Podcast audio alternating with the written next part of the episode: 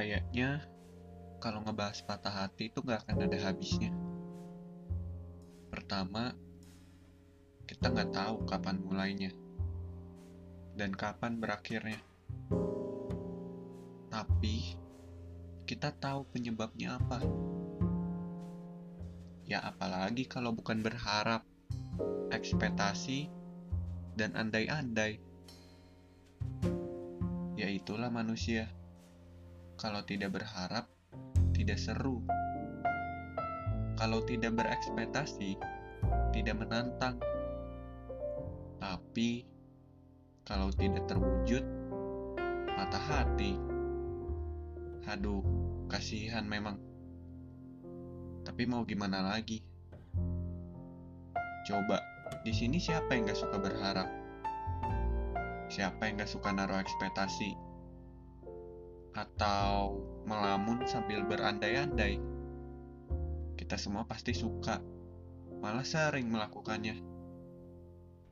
Dan kita kadang lupa udah berapa ekspektasi, sudah berapa harapan, dan sudah berapa kali kita berandai-andai, tapi berat, tapi berujung nihil kayaknya sia-sia banget. Kecewa banget, sedih banget. Sampai ngomong pun susah.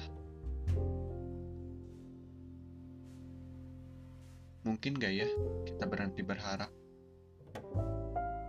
Mungkin gak ya kita berhenti untuk menaruh ekspektasi lebih pada orang lain? Tapi kayaknya gak mungkin deh manusia kan pengen selalu yang lebih. Gak pernah merasa puas. Giran sudah patah hati, baru menyesal.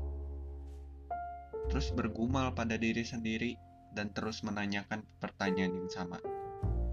Kenapa sih dari kemarin aku berharap lebih sama dia? Misalkan deh, kamu suka sama seseorang. Terus, gak mungkin dong kamu gak berharap dia suka sama kamu pasti bakal muncul harapan itu.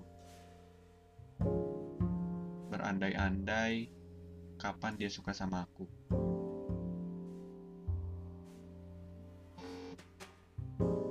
Tapi ketika realitas menyadarkan kita, dia udah punya pasangan dan dia nggak suka sama kamu.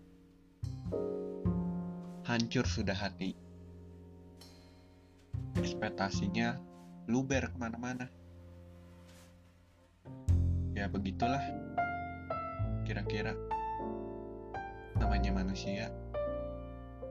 Soal patah hati siapa yang tahu